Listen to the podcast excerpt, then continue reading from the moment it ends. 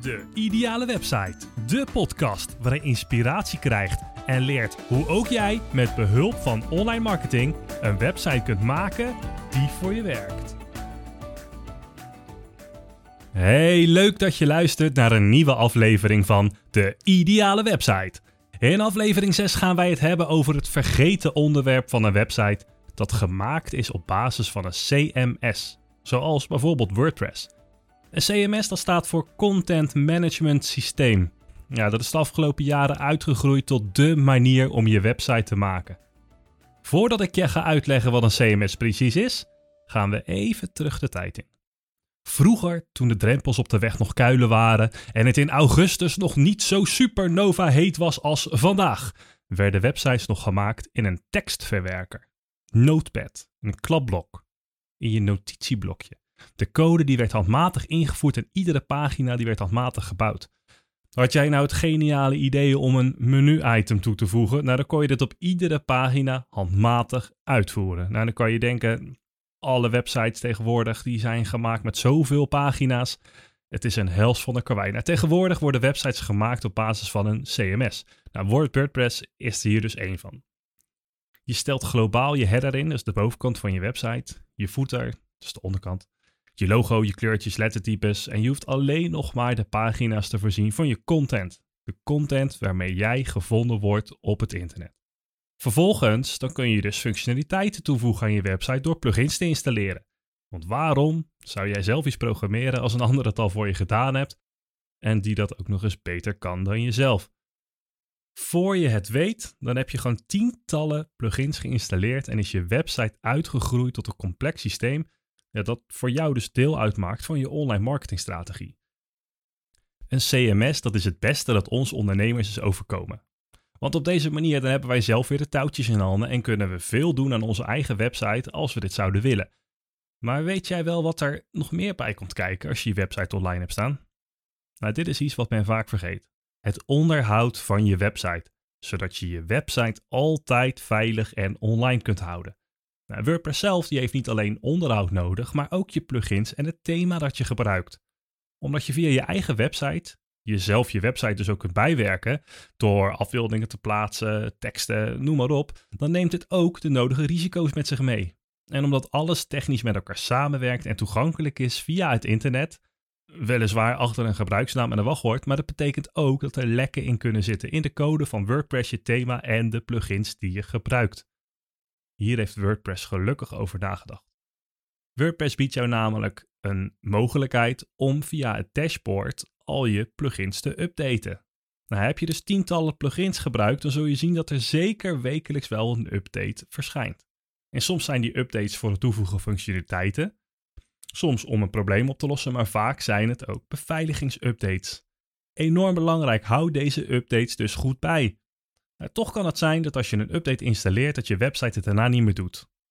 Je krijgt dan een foutmelding. Misschien zelfs die, die ene witte pagina waar WordPress zo bekend om staat, dat, dat je gewoon niks meer ziet, maar je weet ook niet waarom. Je website is niet meer online en jij zit met de gebakken peren. Ik ga jou uitleggen hoe ik het website onderhoud uitvoer bij mijn klanten, zodat jij niet voor verrassingen komt staan. De basis begint bij het backuppen van je website. Nou, dit kun je doen met bijvoorbeeld Updraft Plus of Blockfold. Ik heb linkjes geplaatst naar deze plugins in de omschrijving van deze aflevering. Nadat je zeker bent dat je een goede backup hebt, nou, dat weet je dus als je die backup gemaakt hebt en als je hem succesvol hebt teruggezet.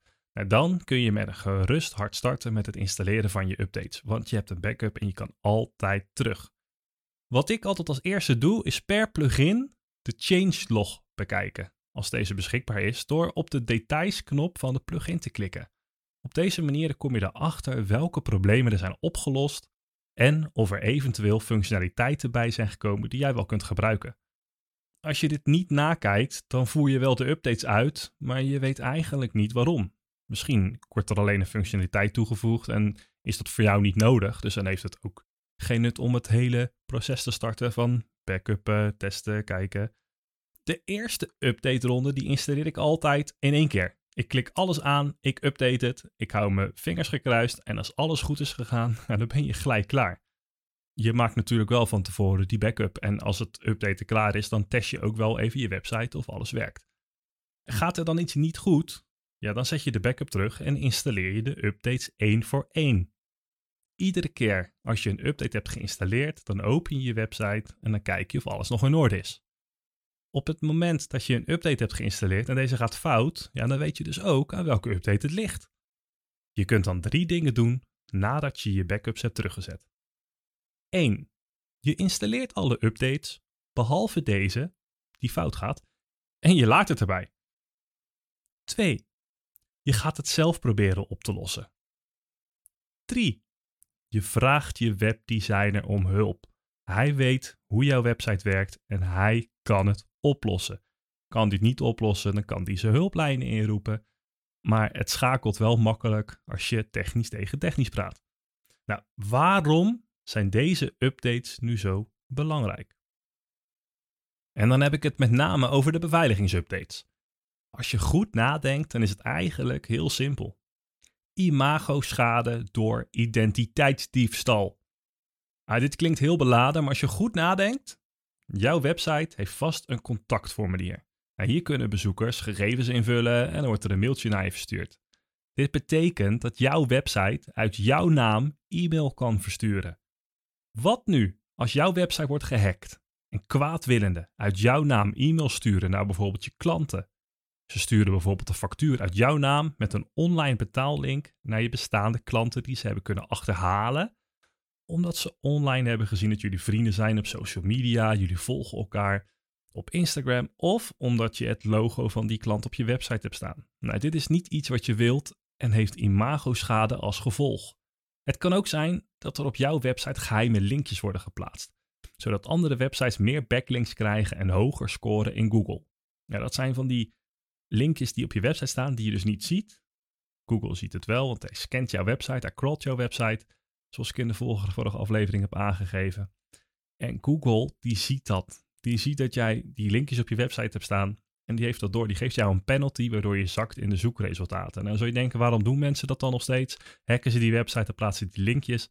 Dat zijn bots. Bots die online draaien. Bots die op het internet zwerven. Die constant maar automatisch websites opzoeken en kijken naar, naar zwakheden, naar lekken. En die dat vervolgens misbruiken.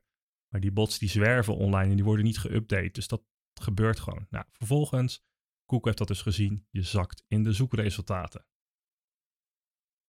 Of er wordt een virus op je website geplaatst die je bezoekers infecteert met ransomware. De computer van je klant wordt gegijzeld en pas na het betalen van digitaal losgeld kunnen ze de computer weer gebruiken. Nou, jouw website krijgt een penalty van Google en wordt gemarkeerd als onveilig, waardoor je zakt in de zoekresultaten. Of je wordt helemaal verwijderd. Je staat niet meer in Google. Nou, dat wil je niet. Ik ga je een kort, maar waar gebeurd verhaal vertellen van de website van Henk. Henk heeft een meubelbedrijf met een eigen webshop. Op deze webshop verkoopt hij meubels door heel Nederland en sommige meubels verkoopt hij zelfs over heel de wereld. Toen de website van Henk klaar was, stelde zijn webdesigner voor om hem te ondersteunen. Door het periodieke onderhoud van Henk uit te voeren, kon hij vertrouwen dat de veiligheid van zijn website gegarandeerd wordt. Henk had hier geen behoefte aan. Henk zei: Dit kost geld. En dat kan ik ook zelf. Nou, helaas bleek later dat Henk achteraf gezien helemaal geen tijd had om alle belangrijke onderhoudstaken uit te voeren, want hij was veel te druk met zijn dagelijkse taken.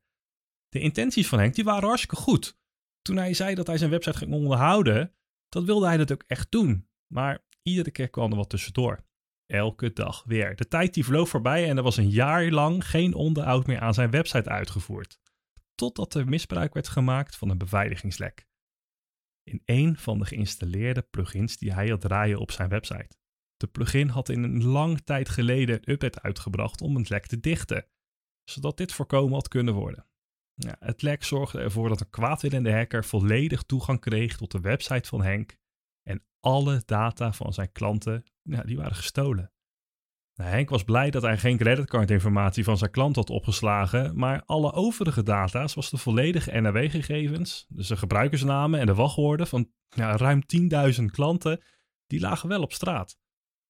Nou, dit had voorkomen kunnen worden door regelmatig updates uit te voeren.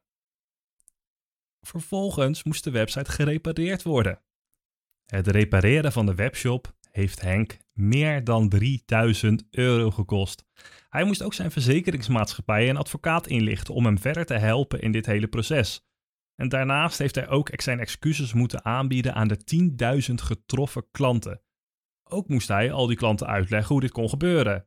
Nou, zijn websitebouwer die moest optreden als tussenpersoon tussen hem en de politie over het incident, omdat hij niet precies wist hoe dit nou kon gebeuren. Dit kost allemaal tijd en geld dat voorkomen had kunnen worden. Nou, het bedrijf van Henk dat rijdt gelukkig nog, maar hij is nu wel veel voorzichtiger met zijn website en inmiddels neemt hij het ook echt serieus. Ja, websiteonderhoud is dus enorm belangrijk.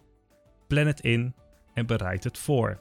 Nou, de komende week dan zal ik een checklist plaatsen op mijn Facebookpagina waarin ik je precies vertel welke stappen ik neem waar en wanneer ik ze neem. Dus hou mijn Facebookpagina goed in de gaten als je de veiligheid van je website echt serieus wil nemen. Oké, resume. Je hebt nu geleerd dat WordPress een CMS is. Vroeger was het maken van websites veel ingewikkelder. Installeer altijd je updates. Hoe je je updates het beste kunt installeren. Backups zijn super belangrijk en wat de gevolgen zijn van een onveilige website. Bijvoorbeeld imago-schade, zakken in de zoekresultaten of zelfs helemaal volledig 100% verdwijnen uit Google. Het verhaal van Henk en mijn website onderhoud checklist. Ik hoop dat ik je vandaag wat heb kunnen meegeven, zodat je jouw ideale website veilig en online op het grote boze internet kunt houden. Bedankt voor het luisteren naar aflevering 6 en ik zie je graag snel weer terug in de volgende aflevering van De Ideale Website. Onwijs leuk dat je hebt geluisterd naar deze podcast. Ik zou het ook onwijs leuk vinden als je deze podcast zou willen delen op je eigen social media, zodat ook anderen wat hebben aan de kennis die ik net met je heb gedeeld. Daarnaast zou ik het ook enorm waarderen als je de tijd en moeite zou willen nemen om een review achter te laten onder deze podcast. Biedt jouw app deze mogelijkheid niet? Klik dan op de recensielink onder in de omschrijving van deze podcast en schrijf iets leuks. Voor nu bedankt voor je tijd en je hoort mij weer in de volgende podcast, de ideale website.